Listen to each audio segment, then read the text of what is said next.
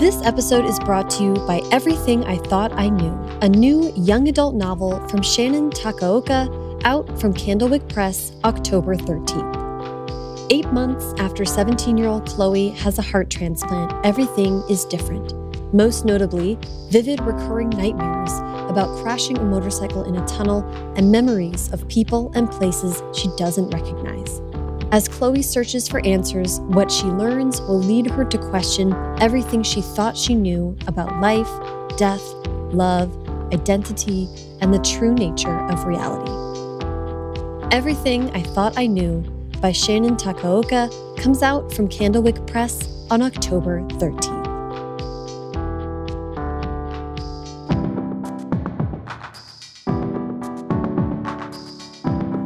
Welcome to First Draft with me, Sarah Enni.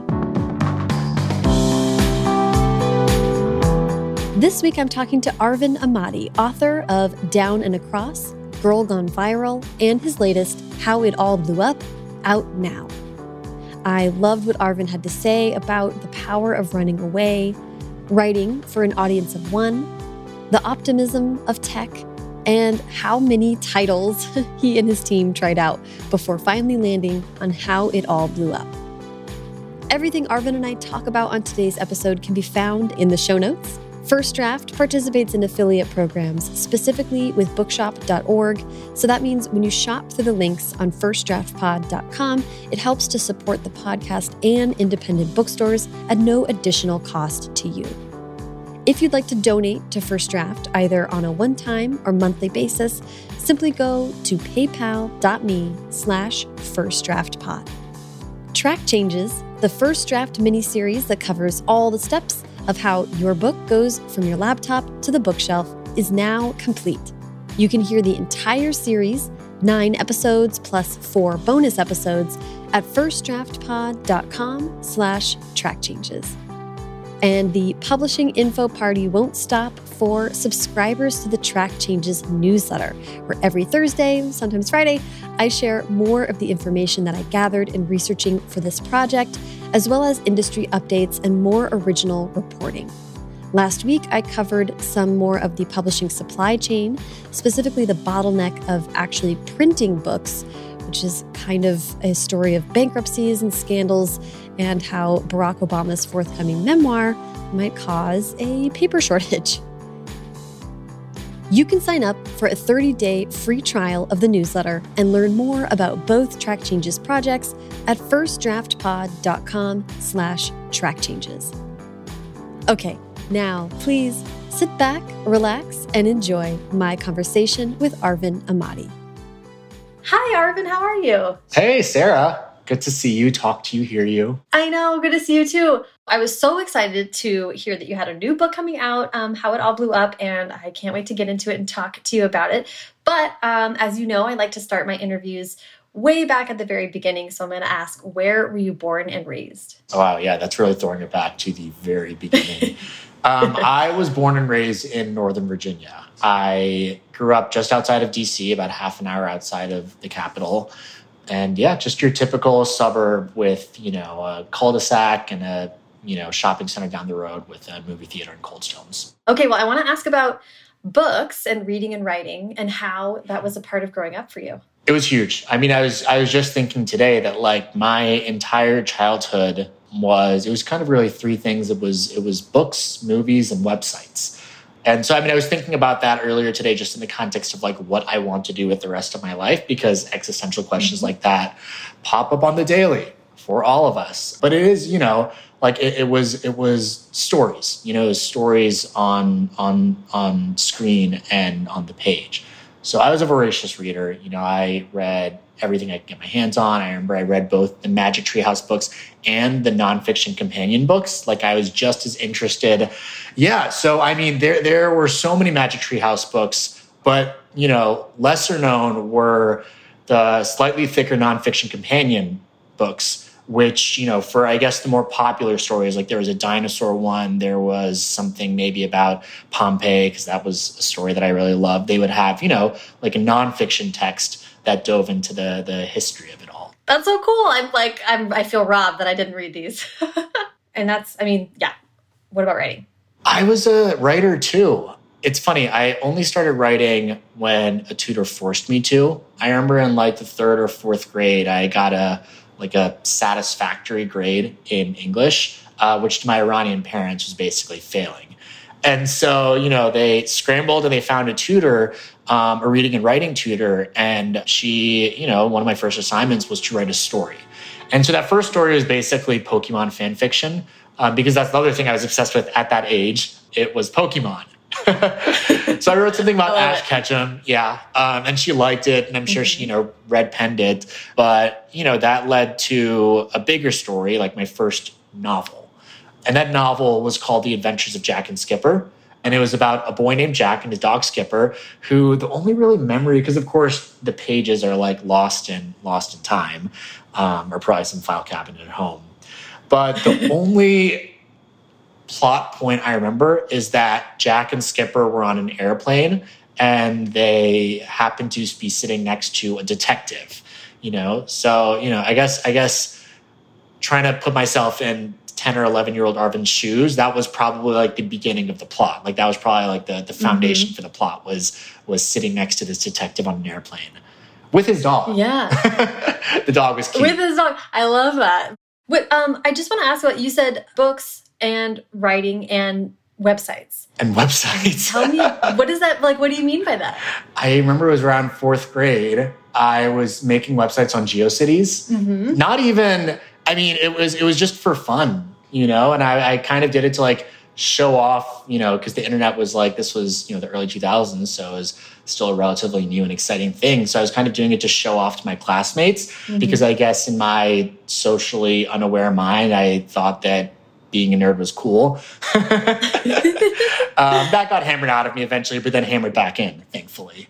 Yeah, uh, exactly. Yeah. yeah, yeah, yeah, But no, yeah, it was that. That was kind of like my thing for a little while. It was, and I, I remember that partly came from my dad, who I one of his kind of like pieces of advice as a kid was just don't just consume, create. So create the things you love. Mm. Don't just read books, write them. Don't just surf the web, make websites.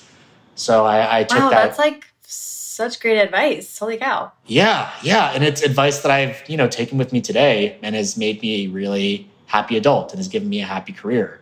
You know, because I, I you know, I mentioned I I in a past life I worked in tech and I did really actually enjoy that job. I just, you know, I enjoy writing even more. Yeah, well, okay. I want to I want to get to that cuz that obviously that kind of um all everything we just talked about also ties into books that you wrote. But I do want to ask about I I heard that you wrote that book. Maybe this was Jack and Skip. Jack and Skipper. Skipper or Skippy? Skipper. Yes. Skipper. Um, yeah.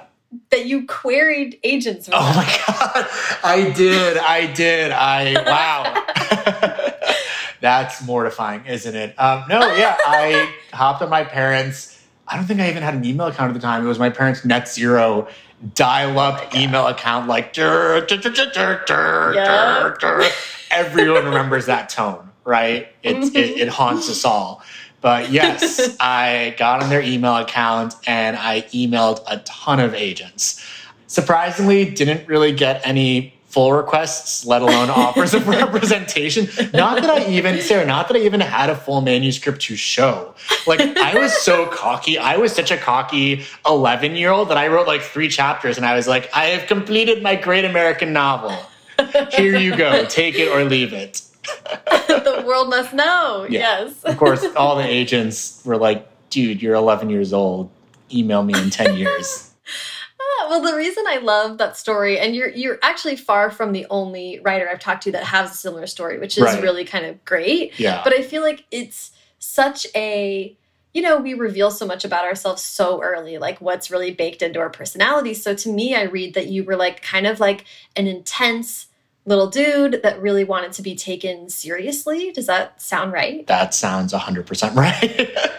I was so eager to grow up. I mean, thinking about it, I think that's why I have, like, in a lot of my, I guess, in all of my books, uh, all my YA novels, they're like teenagers surrounded by adults, just because I was so ready to immerse myself in those worlds, you know, in mm-hmm. in a world of, you know, older, accomplished people who I thought at least had all of their stuff together, you know, who knew what they were mm-hmm. doing.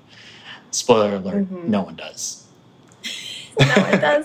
I know the, the secret of being grown up. And I mean, that brings us to you running away when you were 16 Yeah. and sort of, I mean, I don't know that that's just so fascinating to me. And obviously kids, kids running away is a theme that comes back in your work. So it seems like a kind of a, maybe a, left an impression on you, or maybe that's a feeling that you really still connect with in some way. It is, yeah, because I think, I mean, I ran away in a sense too when I was 18 years old and went off to college in New York City. You know, um, I've run away multiple times since then when I've gone off on writing retreats in, in you know, Rome or staying with a friend in Helsinki for a couple months because he had a spare bedroom, you know? So, yeah, I think we're all constantly running away, even if we don't necessarily know or can pinpoint what we're running away from. Um, so I love it as a theme because, like, it's often in running away that we find ourselves, right? Right, right. Um, I want to ask about college, and I, I kind of want to want you to lead me through how writing was a part of your life in college and in your in your past life in tech, as you said, and how it came back as something you wanted to take more seriously. Yeah. So, I mean, that's the thing. Even when I was 10, 11 years old, and, you know, I was a voracious reader, and I had this tutor encouraging me to write stories, write books, and I was querying agents. I did want to be an author, but I didn't see it as a career path. Like, I never Hmm. once considered that as like a job that I could have as a real adult, just because it wasn't in my world of possibilities. You know, I had Iranian parents who had sacrificed a lot to come here. Um, and you know, it was it was they were really typical in the sense that they wanted me to be a doctor, lawyer, or an engineer. You know, they wanted me to have a comfortable life. And so, you know, I never stopped writing necessarily, but I found other ways to do it and made it a hobby. And then the next stage of my writer journey happened in high school when I got involved in the high school newspaper. So, you know, I got really into investigative journalism and feature writing just because those are absolutely a form of storytelling and they're rooted in real life, you know, even more so than like the because I I remember whenever anyone asked me in elementary school what I like to read, I responded with realistic fiction. You know, like I've always I don't know what it is about me that I just can't other than like Harry Potter, which I think Harry Potter is the exception for so many people, the way that like Taylor Swift is the exception. Like I don't listen to fantasy, but I love Taylor Swift. Or sorry, I don't listen to country. Imagine if you could listen Wait, to a that genre. was the best mashup of those two things ever. yeah, yeah. Like I don't listen to fantasy, but like I love a good horror. Yeah, no. Um, yeah. but yeah, no, I mean, like, with the exception of Harry Potter, I was a pretty strict realistic fiction, contemporary fiction, the occasional historical fiction novel, but like stories rooted in our world. So journalism in high school actually made perfect sense. And that continued with me through college. And in college, I kind of expanded. I got involved in my college paper. And I wasn't just writing news and features, but I was also writing opinion pieces, blog posts, and I even got into photography. Wow. And like spent a couple semesters as a photographer for my school newspaper, which is another Nice. fascinating sort of medium for storytelling. Yeah. Well, and as you say, I you know I'm I'm reminded still of um, I I built I also did GeoCities. I feel like I hesitate to say I ever built a website because I always used like GeoCities or WordPress, so I've never got too far into HTML. Oh, no, but there is a there is a, a method of storytelling there too, right? You're like Mhm. the page comes up. What story do I want to tell? Where are people's eyes going to go? I mean, like there's just thinking about your audience while you're framing something. Those are I see the connection and all those things. Absolutely. You know, one of my favorite kind of descriptions of the editorial process, it was, um, I think it's Cheryl Klein, editor at, uh, she's an editor at Lee and Low. And she described it on a panel once as balancing the author's vision with the reader's needs. And that reader's needs portion, like that's like having been a product manager in tech and like thinking about where should we place this button and that button and how should we lay out the page. Like that's exactly what's going on when you're building a website on GeoCities or creating an app you know you have this vision for what the website or app should be for what you want it to do but users behave in a certain way you know and you need to cater it to their behavior so that your vision comes across most clearly. And so it's the exact same thing in writing a story you know balancing the author's vision with the reader's needs. Um, I also heard that you changed your major in college like seven times. Is that true? yeah, yeah. So I mean, I'm not just here to drag you in this conversation, by the way, but no, no, I think these, these are interesting things. drag away. These are these are all things I guess I've like stated publicly on the record, and you have to, you know, you're being a good journalist. Um, gotta respect that. Respect the hustle. Uh, yeah, I changed my major a lot. I went into college thinking I was going to study sustainable development and economics just because I remember I was really passionate about that my senior year of of high school. You know, I got really into these economists like Jeffrey Sachs um, and Joe Stiglitz, who I felt, you know, were more socially minded and progressive, but at the same time, like their social mind, socially mindedness was like rooted in rigid economics, you know, um, mm-hmm. and like a left brain way of thinking. Mm-hmm. And so I thought at the time, you know, I was like, okay, this is what I'm going to study in school. Columbia's a great school for that um, this is how I'll kind of like merge my like desire to do good with like my left brain interest in like numbers. And then, you know, I'm like a naturally kind of like curious and interested in a lot of things kind of person. And so I got to school and that just kept switching. I was like, what about math? What about history? Mm-hmm. And by the end, I landed on computer science, you know? And yeah, that was, it was tough because I, I don't know, like they encourage you to explore uh, so much your freshman year of college, but I also think there is such thing as like too much exploration, and that's a little bit what I was doing. I was just hopping around um, instead of really taking seriously like what does this mean for a career? What can I do with this major? You know? Yeah, that's so that's really interesting. I mean, how did you? Settle in on? I mean, what you ended up doing was political science and one other thing, I forget. And computer science. Yeah. And computer I, science. I just did all the sciences. I remember I, I would joke that like Bill Nye had nothing on me. what made you settle with those? That's like so interesting to me. Yeah. I, you know, in high school, I for a while wanted to go into politics. Like I was really passionate mm-hmm. about like I worked on campaigns and worked for a congressman for a summer, interned for a congressman for a summer. Um, and so it was hard to shake that interest, even though like studying political science in college is like a totally different beast, you know? Like mm-hmm. being into politics growing up just meant that I cared about people. You know, I, I, it meant that I cared about the issues. It meant that I wanted to be active, didn't want to be apathetic. But studying political science, studying political theory is, you know, it's theoretical, right? Mm. So, you know, that didn't exactly stick. And then with computer science, you know, I loved I loved the logic around it. I love the creation element. But again, like this is, I mean, this is just what happens when you dive deep into any subject. It got pretty theoretical.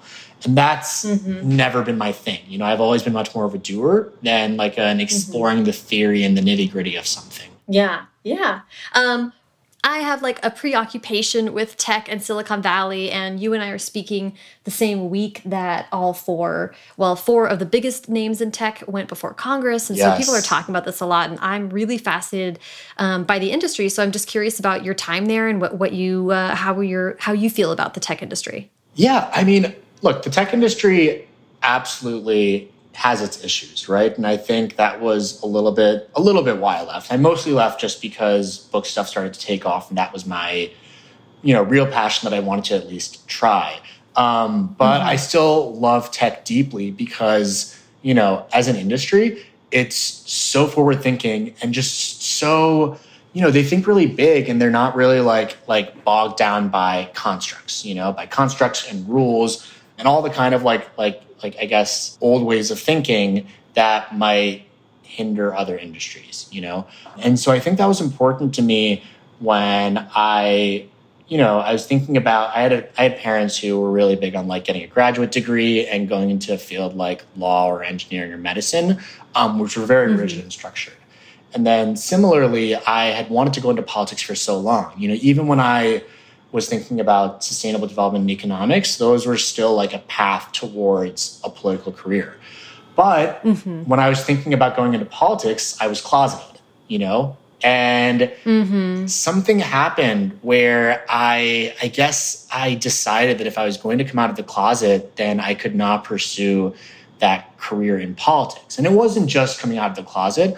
Um, but it was the overall realization that a politician, especially like I wanted to be a senator, had to behave a certain way, talk a certain way, love a certain way, right? And I didn't, you know, I, I, it was around when I was 18, 19, my freshman year, towards the end of my freshman year, I decided I didn't want to be that person. And come to think of it, this whole history is all coming back to me. It was uh, it was because of an internship that I was doing. Um, I was supposed to intern at the White House that summer, and that was like really exciting. Oh wow! Yeah, I was really really excited to have that Yeah. internship. But I ended up losing that. Like after I'd already gotten it and had filled out all the forms, the onboarding, all of that, I was then informed that I would not be able to participate in the internship. And it was because of something that I had put down, like a minor thing that I had put down on my security clearance, right? Um, and I remember I talked to, I had lunch with my mentor after I found out about this, and he was like, "Oh, that?" Like it was, you know, I guess it's 2020, so I can talk about this pretty openly now. I, I said that I had smoked weed one time, which was Oh the my God. truth. Like at 19 years old, I had I had smoked one time my freshman year, right? Wow. And and I just, and this is when Obama was in office. And I remember even Obama had talked about how he'd had that experience. And I just was so moved and uplifted that a politician was able to be that candid. And so I was like, you know what, this is mm-hmm. great. I'm going to be transparent too. Like I, you know, my, you know, my morals, my religion, like all these things had always encouraged me to be completely honest, you know, no BS. Mm-hmm. And so I did that on my forms and I lost this internship that I was so excited about. And, you know, my mentor, like who I was going to be working with at that office, basically told me, like, oh my God, why did you put that down? You know, like that, you didn't have to write that. And that was just such a turnoff, you know? And I think that ultimately is what appealed to me so much about tech that, um, unlike all these other industries where you have to put on a certain image, you know, and maybe even lie a little bit uh, to get ahead.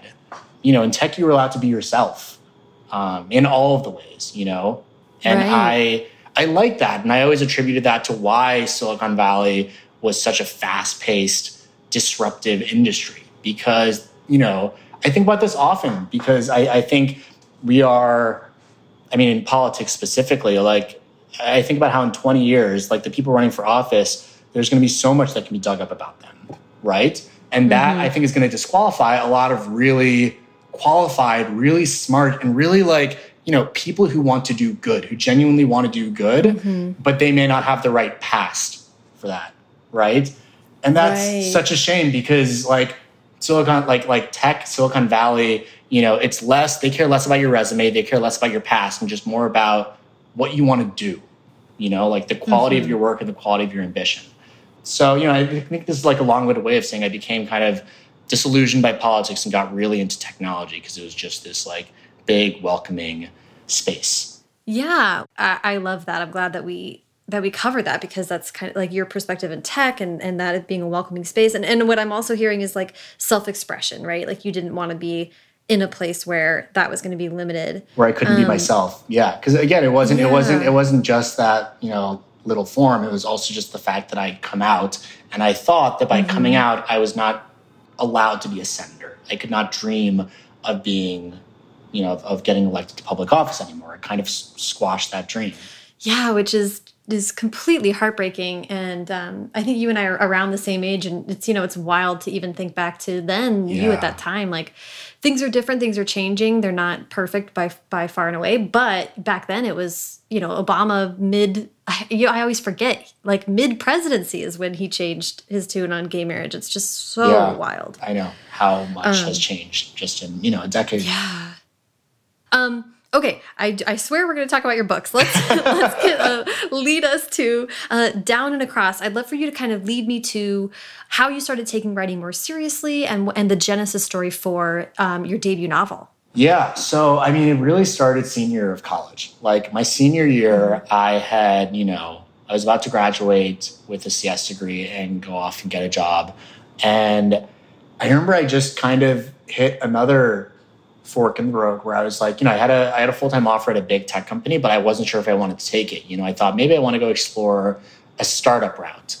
Um, And around the same time, you know, I was I was uncertain about that. I had also failed my first college class, and that did not go over well with my Persian parents. You know, um, and so basically, I got this big lecture about how, you know, I was always quitting things or changing my mind or just wasn't able to like stick with something and follow through. And around the same time that I got that lecture, I had watched a video, a TED Talk by Angela Duckworth. So, you know, she gave a TED Talk that was viewed millions of times, like went viral.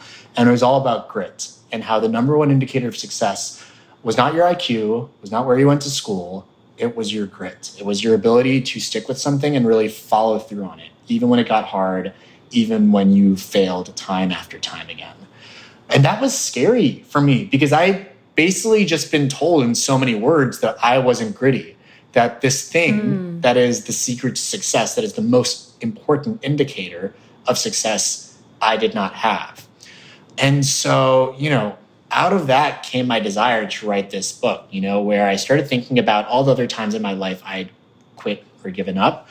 And the two moments that came to mind specifically were when I was 10 years old and I wrote this book, Jack and Skipper, you know, and I wrote a few chapters and queried some agents, but then gave up when none of them wanted to offer me representation and went on and wrote poetry, right?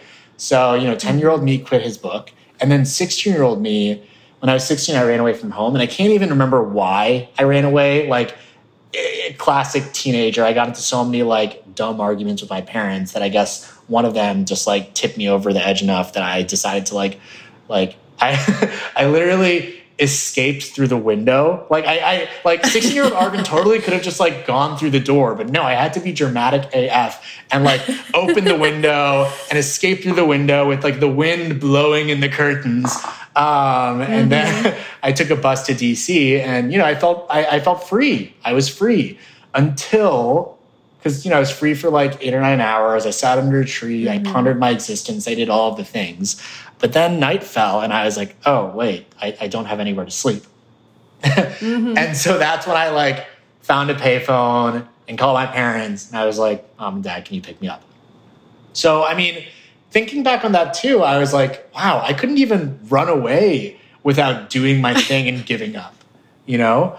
Um, uh. And so, yeah, you know, that, that book I wrote when I was 10 and that attempted runaway when I was 16 came to my mind.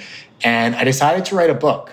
You know, I, I decided, oh, and the third piece, the final piece was that I was also reading a lot of YA at the time. I have, I had a, I have a little mm. sister um, and she was in high school when I was a college senior. And so she was feeding me all of these YA novels um, that I was mm-hmm. loving. That kind of got me out of this fiction slump that I had been in for five or six years. Like I think it was like junior year of high school when I got really busy with like AP exams and SATs that I just stopped reading fiction. Um, and I didn't really pick it back up until my senior year of college when my little sister was feeding me all these YA books. So the idea for Down and Across just came out of all these places, you know, that 10 year old book, that 16 year old runaway, and then this like 21 year old me who felt a certain way about this TED talk on grit. And so Down and Across mm-hmm. became a runaway story about a boy who runs away to meet a fictionalized version of Angela Duckworth, Cicely Mallard. um, yeah, yeah. I, uh, I, love it. I know, I know, right on the nose um, and and you know wants to get gritty. He runs away to meet this professor to find out how he can save himself and get gritty. Yeah, I love that, and it, it's um, I love that you were reading books that your sister gave you to get to to YA, and it does feel like you know we are talking about. Though you were older than that when you wrote the book, it's a it's a question of identity and a lot of the kind of teen um, huge questions that teens are facing. And you also were able to write an Iranian American character. Yeah. Um, Although that didn't happen until later. I mean, originally, was, Scott was Jack. You know, I, I basically picked up where really? I left off and wrote a white protagonist with all my issues because I just thought like that's the way he's supposed to look. Like in fiction in the books that I was reading, because I remember I had read, you know, The Fault in Our Stars and and and the Perks of Being a Wallflower, and a lot of John Green's other books, as mm-hmm. well as mm-hmm. reread The Catcher in the Rye, which is like the classic runaway story. And I just loved that as a teenager. Mm-hmm. Um, like all those characters were white, you know, all those protagonists were white. So I just felt like that was that was the way to do it. Wow. At what point in the process did you make the change? You know, it it it, it was early on, but with a caveat like I think around 50 or hmm. 60 mm. pages in, I realized I was inserting so much of myself into this runaway story that I was like, okay, he needs to have at least one immigrant parent. And so mm-hmm. I made Jack Scott um, and I made him mm-hmm. half Indian, half white. And I thought of that as a way to like stay stay within these rules that I thought were like the rules of of writing a novel of YA that like your character has to be white or at least white passing, but still be mm-hmm. able to like inject my experience in there, right? And so I wrote pretty much the entire first draft. Like after that initial um, detour, I wrote the entire first draft uh, with Scott as a half Indian, half white kid. Um, and thankfully, I mean, I, I, shared that draft with a couple of friends, and one of them worked in publishing. You know, we we were friends in college, and she was like an editorial assistant at a publisher at the time. And she read that draft, and she told me, "Arvin, this is clearly you. You know, uh, mm. this is a very autobiographical, very personal novel. Why don't you just make the character Iranian?" And she said that with the context that like this is okay now. You know, like people mm-hmm. are. This mm-hmm. was 2014, 2015 ish so, you know, diverse stories were really starting to pick up and become more accepted mm-hmm. in like mainstream publishing. And so it was it was kind of eye opening to have this friend in publishing. Um, she wasn't on the kidlit side; she was on the adult side. But still, she had enough know how. You know, was in the industry enough to know that, like, you know, to be able to tell me, you can make him Iranian. You know, and you'll be able to mm-hmm. sell this book with an Iranian character um, because it is just so you. Yeah. Do you remember how you felt thinking about that or, or hearing that?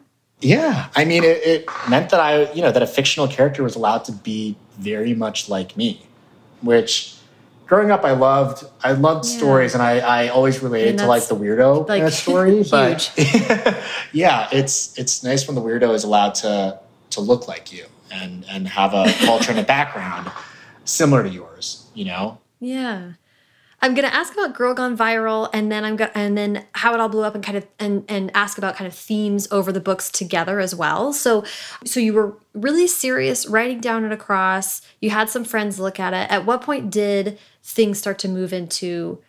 I'm selling this book, and this is really happening. Like, what was that whole process like? Yeah, it was. I mean, it was one of those projects that, like, when I started to write down and across, I just wanted to finish it, you know, because it was kind of like a test mm -hmm. of my mm-hmm. grit, right? And so my only goal at the beginning was to reach the last page, you know? Mm-hmm. But then once I finished it, you know, I was still reading YA and I also actually started to attend YA events in the city. And so that's when I was like, well, maybe maybe I can polish this up and query agents because I think this could be published. And so, you know, mm-hmm. it took me about a year to write the first draft, but then I spent another year and change editing the book and pretty much rewriting it but I still didn't think that I would ever become like an author author. I just wanted to, you know, get an agent, sell the book, but do that on the side and stick mm. with my like very stable, very practical tech job. And even, I mean, even after I sold the book and I made the decision to quit my job, it was still only a temporary thing in my head. Like I sold the book in a two book deal. And so I was like, all right, you know, I have this idea for a near futuristic Silicon Valley book. I'm going to leave my tech job for six months, bang out this book, and then come back into tech and have my again stable practical career. Because um, that way of thinking had just been so hard coded into my head. Um, uh-huh, but totally. of course first of all much easier said than done banging out a book in six months. Uh, yeah. it took a lot longer than six months. And then you know second of all I, I had more ideas and i really loved writing full time and being an author full time. Mm-hmm. And it's just such a fulfilling career that six months turned into a year, turned into this is what I want to do for the rest of my life. Yeah. Well, you, I mean, you led us to Girl Gone Viral, so I do want to ask about that. Do you mind um, pitching that book for us? Yeah. Um, so Girl Gone Viral is, um, you know, if Down and Across was my love letter to DC, Girl Gone Viral is my love letter to tech. It's about mm-hmm. a 17 year old girl, Opal Hopper, who is a brilliant coder and goes to a boarding school in Silicon Valley for, you know, basically tech prodigies. Her dad went missing when she was 10 years old. And now at 17, this contest has popped up that she decides to enter only because the winner of the contest gets to meet, like, in her mind, suspect number one for why her dad went missing.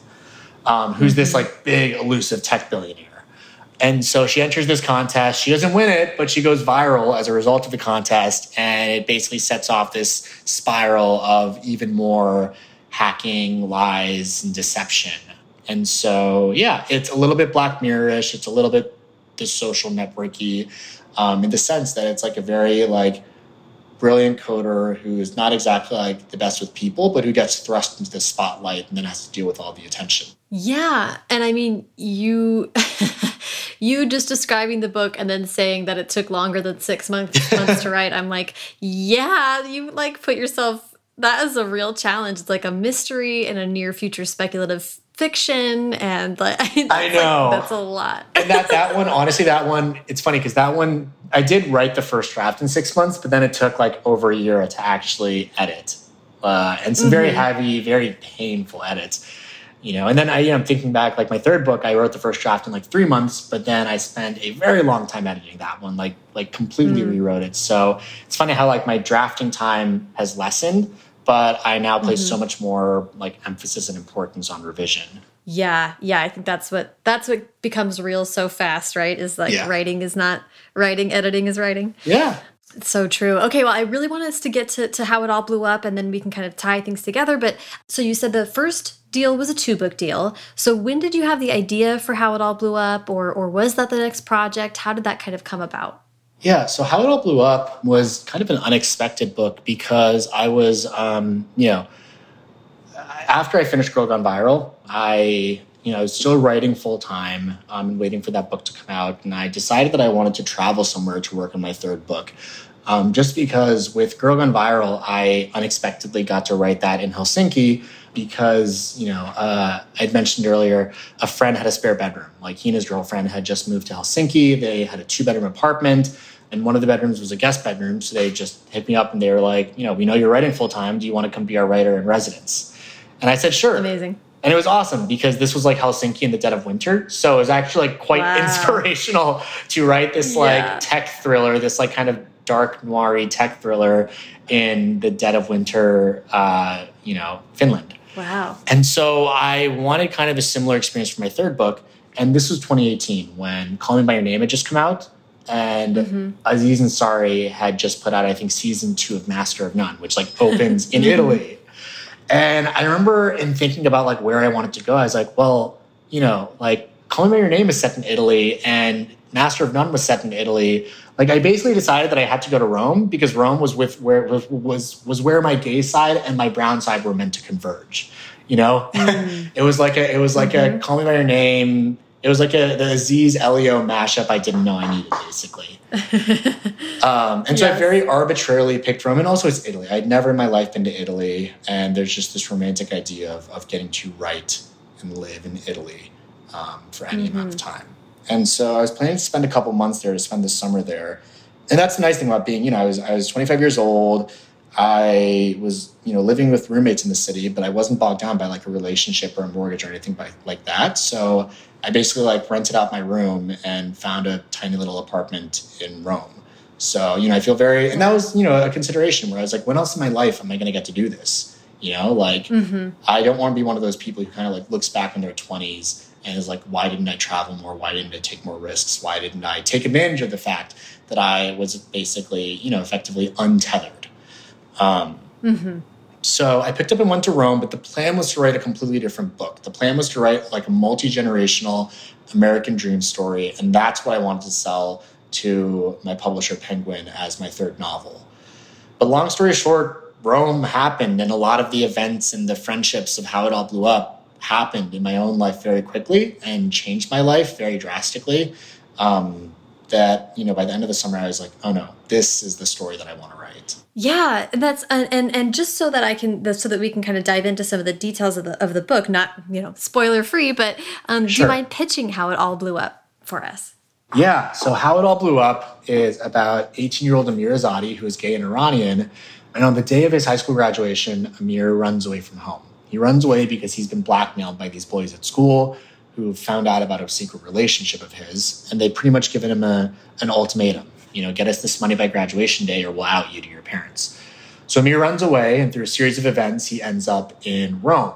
And in Rome, he basically stumbles into this friend group, very similar to a way that I stumbled into a friend group when I was in, in you know, Italy for that summer. And these people are so inviting, so friendly, and kind of like take Amir under their wing. And and he starts to become more comfortable in his own skin. You know, he's finally mm-hmm. hanging out with other gay people and seeing what life can be like as an out and proud gay person. And kind of an important part of that is this friend Jahan that he meets, who is half Iranian and extremely, you know, loud and proud and flamboyant. You know, he's he's he's just as much Iranian as he is gay, and and he he is proud of those, you know, two sides of him. These two sides that Amir had always seen as separate. You know, that he always had a wall between. The twist in the story, of course, is that on page one, you meet Amir in an airport interrogation room um, because his family has found him in Italy. And they found him and they all got in a plane, but uh, they got into a big fight on the airplane. And so on page one, he and his family are in separate interrogation rooms at JFK, and they're all telling their side of the story to the airport officers. And so the story hops back and forth between these uh, airport interrogation room monologues that mostly come from mm-hmm. Mira, but also come from his mom, dad, and sister. And then, of course, the um, you know romantic, life changing, life affirming summer in Italy stories. Yeah. The uh, do you mind? I, I mean, I would love to hear to whatever extent you're comfortable talking about it. This, as you say, this this realization that the gay part of yourself and the brown part of yourself can be like happily one public you know person. Yeah. Um i mean what was what was your experience with coming to that realization? And I, I mean anything you'd love to say about that? I just think that's so fascinating. You know i think it like iran gets a bad rap because you know it's a muslim country um, and certainly things have changed since the revolution. But you know when people think of iran they think of ahmadinejad and you know specifically they might think about how he once said there are no gay people in iran you know, that Iran is one of the few mm-hmm. countries where you can still be punished by death for being gay. And so mm-hmm. I, I, think that's just the stereotype of, of a culture like that. And it's so far from the truth. And I say this from Amir's perspective because of two things, you know, like Amir is actively telling a story in the airport interrogation room. And so even though he feels like he's not allowed to be Iranian and gay, that he has to keep those two sides of himself very separate, what he, you know, what, what he sort of realizes as the story goes on is that Iranians have this rich, thousands of years, you know, this this this very rich old tradition of oral storytelling, and he is actively participating in that tradition. You know, so just outside of the gay thing, mm. you know, he realizes that you know, in telling kind of the story of his very gay. Uh, very rompy summer in Italy, he's participating in a tried and true Iranian tradition. But the second part is that you know, Iranians are brave. Like when you think about Iranian history, when you think about the stories that we tell, when you think about our heroes and our kings, we're a brave, proud people. So it's just, I mean, it was it was this realization and seeing this person, Jahan, you know, who was so, so, you know, flamboyant and taught me all about queer icons like Joni Mitchell and Nina Simone. And I, you know, watched RuPaul's Drag Race with him and his friends, who at the same time was able to be so proud of Iranian culture because that's what I mean. That's what this culture, that's what this history is really about. You know, it's it's mm-hmm. it's being forward thinking, being progressive. It's about social justice. Like I, you know, I learned that like the Cyrus scroll, like one of the you know Iranian kings, you know, was one of the first, was the first human rights document. You know, that kind of like mm. to create all people of all races and religions as being equal. And so I think it's like when you really inspect a culture, you see that it's so much more than its modern day stereotypes. Mm-hmm. And so that was, I mean, for me, that was like a big takeaway and something that I, and when we say you have to write a book for yourself, that was, you know, uh, something that I really took away from this story and that got me to merge those two sides. I mean, of course, the biggest thing, it's, it's always representation, right? It was seeing this person, seeing this person, Jahan, as a mirror, as someone who is so proudly both of those things. But then I think on the deeper level, um, on a deeper level, it's also like, like really examining my culture, really examining what it means to be Iranian of that culture or any culture really, and recognizing that it's so much more um, than the stereotypes that people might have and that you might have bought into. That's the worst right. part. That I realized like right. I had fully bought into those stereotypes and thought that those two sides couldn't coexist. That I thought that like, you know, being Iranian, uh, that, that, that, that Iranian culture and homophobia were, were married when that is so not the case. Mm-hmm. Yeah, the the internalized stuff. I mean, that's um and it is so it's funny to hear you talk about that. Like this this is I'd love to hear you know, down and across you wrote about yourself but also kind of a veil over it and Girl Gone Viral of course is a, is a little bit pretty different. but it sounds like how it all blew up. You know, I, I I've heard you elsewhere say that it's a very sort of in some ways autobiographical book, but that, I mean, this really sounds like it's like very true to life for you. Yeah. I mean, look, the original title of How It All Blew Up was Out with the Bang because I kind of saw it as my own very public coming out. Mm. In effect, I was tired. So another stereotype of, and I guess this is like a stereotype in that it, it does happen a lot of Persian culture, is that we were really, really good at brushing like awkward, thorny issues under the rug, you know? Mm. And I, so even like having come out in college and then coming out to my family when I was like around 21 or 22, I still didn't feel comfortable talking about it. Like I never tweeted about being gay. I never, you know, wouldn't have gone to podcasts like this um, and talked about it.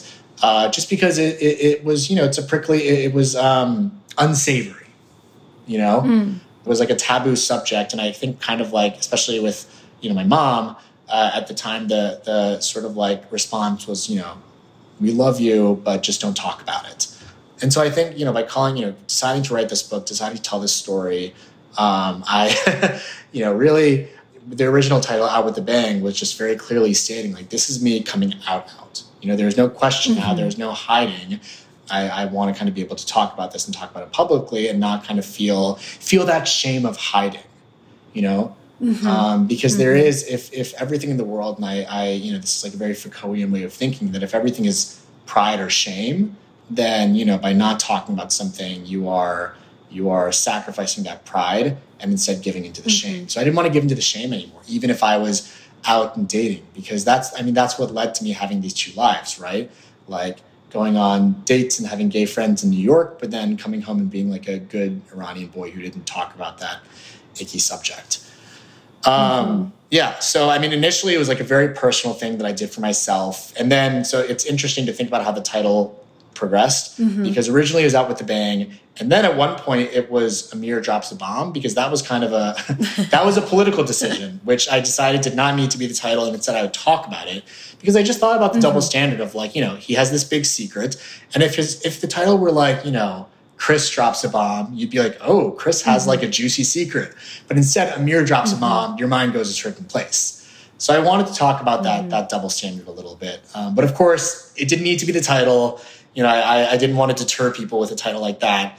So I finally made it out with the bang. But that I think those two titles represent the very personal and eventually very political missions that I had for this book. Yeah, yeah, and that's um it's it's always so interesting to hear about other titles. Those are both great titles. So and so is how it all blew up. So I feel like you had a, a wealth of riches yeah. there. Um and, and to your point uh, of this being like a very sort of explicitly like let's talk about all of these issues and how they are interacting in Amir's life and in the life of Amir's family. You mentioned it, but the the kind of narrative structure of the book is in and out of these conversations in an interrogation room. Amir and his sister and mother and his father. Um, I found it to be so interesting. It was such a clever way to hop through time a little bit, fill in the plot that you needed and build tension but you don't know where he's going to be going in Italy, what's going to happen there. Was that always there? How did you kind of mess with that from a oh, narrative standpoint? It was very much always there to the point where the first draft of the book was actually written entirely as a dramatic monologue from Amir's point of view. So like those little Whoa. monologues that you get from him, that was the whole story in the first draft. It was in that like second person I'm telling you a story and occasionally I'll comment on like your reactions kind of mm-hmm. way. Um, and that was born out of a book that I read when I was in Rome, um, The Reluctant Fundamentalist. Mm-hmm. So, The Reluctant Fundamentalist is by Mohsin Hamid, and it's a brilliant, brilliant novel about um, a Pakistani man who was educated in America, but then you meet him in Pakistan when he's like telling the story of his life to like another man that he meets at a cafe. So it's entirely narrated in the second person. It's entirely a dramatic monologue, and it's just so brilliantly crafted. And so that inspired me to kind of tell this story in the interrogation room because, you know, I talk about having had this incredible summer in Rome. Well, towards the end of the summer, I got stopped at an airport. You know, I was I was traveling to visit a friend in another country, um, and I got stopped and pretty much asked what I was doing in Italy for two months, you know? Mm-hmm. Um, and the officer mm-hmm. at first seemed really nice, but then grew kind of like increasingly specific and even hostile in her questioning. And, but that, you know, because it seemed, you know, I, I, I I started to tell the story of my time in Italy. Like I, I, found myself in effect telling her like, oh no, no, no, no, you you clearly think that I'm this like threat. Um, but I'm not. I'm, you know, a gay man who's been in Italy for the whole summer and spending time with all these other gay men in, in Trastevere at this bar, um, in these piazzas. And so I was trying to paint myself as this like model minority, which when I mm. thought about it after the fact, I was like, well, that's really messed up, you know, that I that I felt the need to emphasize how westernized I was by mm. saying like, you know, I was hanging out with my gay friends, uh, like wink, right. wink, uh, at these bars. You know, like don't worry, I am super safe. So I think mm. that's, I mean. Mm-hmm. That was where the original idea to have, you know, have this be like a a second person sort of like narrated as a monologue story came from, you know, because I felt like mm-hmm. it could it could illustrate how I struggled with that, you know, the way that I felt like I needed to perform in that situation versus how I actually feel about, you know, the model minority myth. Right. And and to me it struck me as such an effective way to talk about or you know, and this is my perspective as a reader who doesn't sure. share um, your identity, but it was like because Amir is is struggling to find acceptance with his family. Yeah and it was such an effective way to say like well his family is not only concerned about amir they are concerned about how they the story that they tell about themselves to other people and how they are perceived yes. not only to other iranian families but to americans and Amer you know and to authority figure it was just like really interplayed and then and then for, of course for me as a reader who was white it's as you say second person so a lot of it was like i am being explicitly addressed by this right. narrative and You're then almost... i get to dive into amir's head and really experience things i mean just thought it was like really it was so it was I really dug it. Like no, I just yeah. it was really, really interesting. And it, I mean, it developed as I wrote, as I, you know, got deeper into the writing process. Because, like I said, originally it was Amir's perspective, but I realized that there is, you know, because um, there's this generational divide too between how Amir mm. and his little sister talk to the mm-hmm. officers mm-hmm. versus how their mom and dad talk. And that also just has to do with like, we hear this all the time that like Generation Z is all about authenticity, right? Um, mm-hmm. And that we are less and less willing to put up these artificial walls, right? To kind of mm-hmm. pretend to be people that we're not, you know? And yet, you know, in certain cultures, and I think older generations, like it's it's it's a survival mechanism right? Mm-hmm. Like Amir's mom and dad are more polite, are less candid because they have to be, you know, because they don't have the mm-hmm. privilege of being young and of not having an accent, you know? Mm-hmm. mm-hmm. Um, especially Amir's dad, who has this prior experience with customs from a, you know, from from right after 9-11.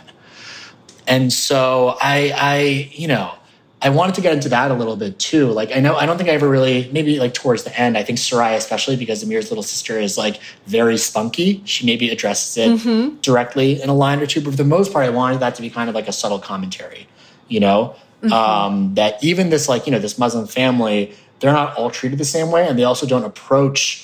You know, they're not exactly the same level of candid you know some of them are more forthcoming than others right right and i mean it was you you were able to do so much by how the dialogue differentiates and how um, yeah, I just it was it was so interesting. I also just have to say I'm obsessed with Soraya. She was so funny, and she's like, oh "This is really holding me up from being at cats practice." Like I was, yeah. she was such a fun character to write because just yeah, imagine like a 13 year old diva, like a theater diva. uh, in that room, and with you know in the same room as her mom, who is who is right. very composed and takes it very seriously because she knows how the world works. You know, mm-hmm. um, but Soraya doesn't. She's obviously she has a more ideal way of thinking about these things, so she's very much herself. Awesome. Oh my gosh, it's been so fun to talk to you, Arvin. I I always wrap up with advice. So, you know, for for you I really I I would love to ask if you have advice for someone who is looking to write a, a story this personal and that you know could impact their life and, and, you know you, you took a big risk personally and as an author in moving forward with the story and i just i would love to hear you know if you have you learned anything yet that you can pass on to people or, or what are your thoughts on that yeah um, honestly my biggest piece of advice would be first and foremost write for yourself you know like mm -hmm publishing is already an industry with no guarantees. Um, I mean, there's so much mm-hmm. that's uncertain, both in writing and in eventually publishing your book. And that just, you know, that doubles uh, when you're writing a very specific experience, right? Like these specific experiences, these marginalized experiences that publishing hasn't really seen before, there are absolutely no guarantees as to like what that book can be or do. And so you have to own that audience of one, you know, like with how it all blew mm-hmm. up. I, no matter what happens, no matter how many readers this book reaches or doesn't reach. And I hope that number is a lot. I hope that it touches, I hope that it reaches the readers who need it the most. And that's really my, my top priority. But no matter what happens, I'm really proud of this book because I wrote it for myself, because it was my out with the bang, mm-hmm. right? Um, mm-hmm. So I think that all that all comes down to like write the story you can't not write and write it exactly your way. Yeah. I love that. I think that's really wonderful advice. As you say, like someone listening to this could be could be hearing that at just the right time. So that's that's huge. Awesome. Well, oh my gosh, thank you for giving me so much time today. This has been such a treat. And please please go turn on your AC and enjoy the rest of the rest of your evening. Will um, do. This has been great. Thank you, Arvin. Thank you, Sarah. Thank you so much to Arvin. Follow him on Twitter and Instagram at Arvin Ahmadi, and follow me on both at Sarah Enni and the show at First Draft Pod. A quick and easy way that you can support First Draft is to subscribe to the podcast wherever you're listening right now. And if you have a couple minutes, leaving a rating or review on Apple Podcasts really goes a long way. First Draft was recently named one of Apple Podcasts' top 25 podcasts for book lovers and I want to thank everyone who left ratings and reviews to draw attention to the show and make that possible. Thank you, thank you, thank you. Finally, if you have any writing or creativity questions that me and a future guest can answer in a mailbag episode, I would love to hear it. Please call and leave that question at First Draft's voicemail.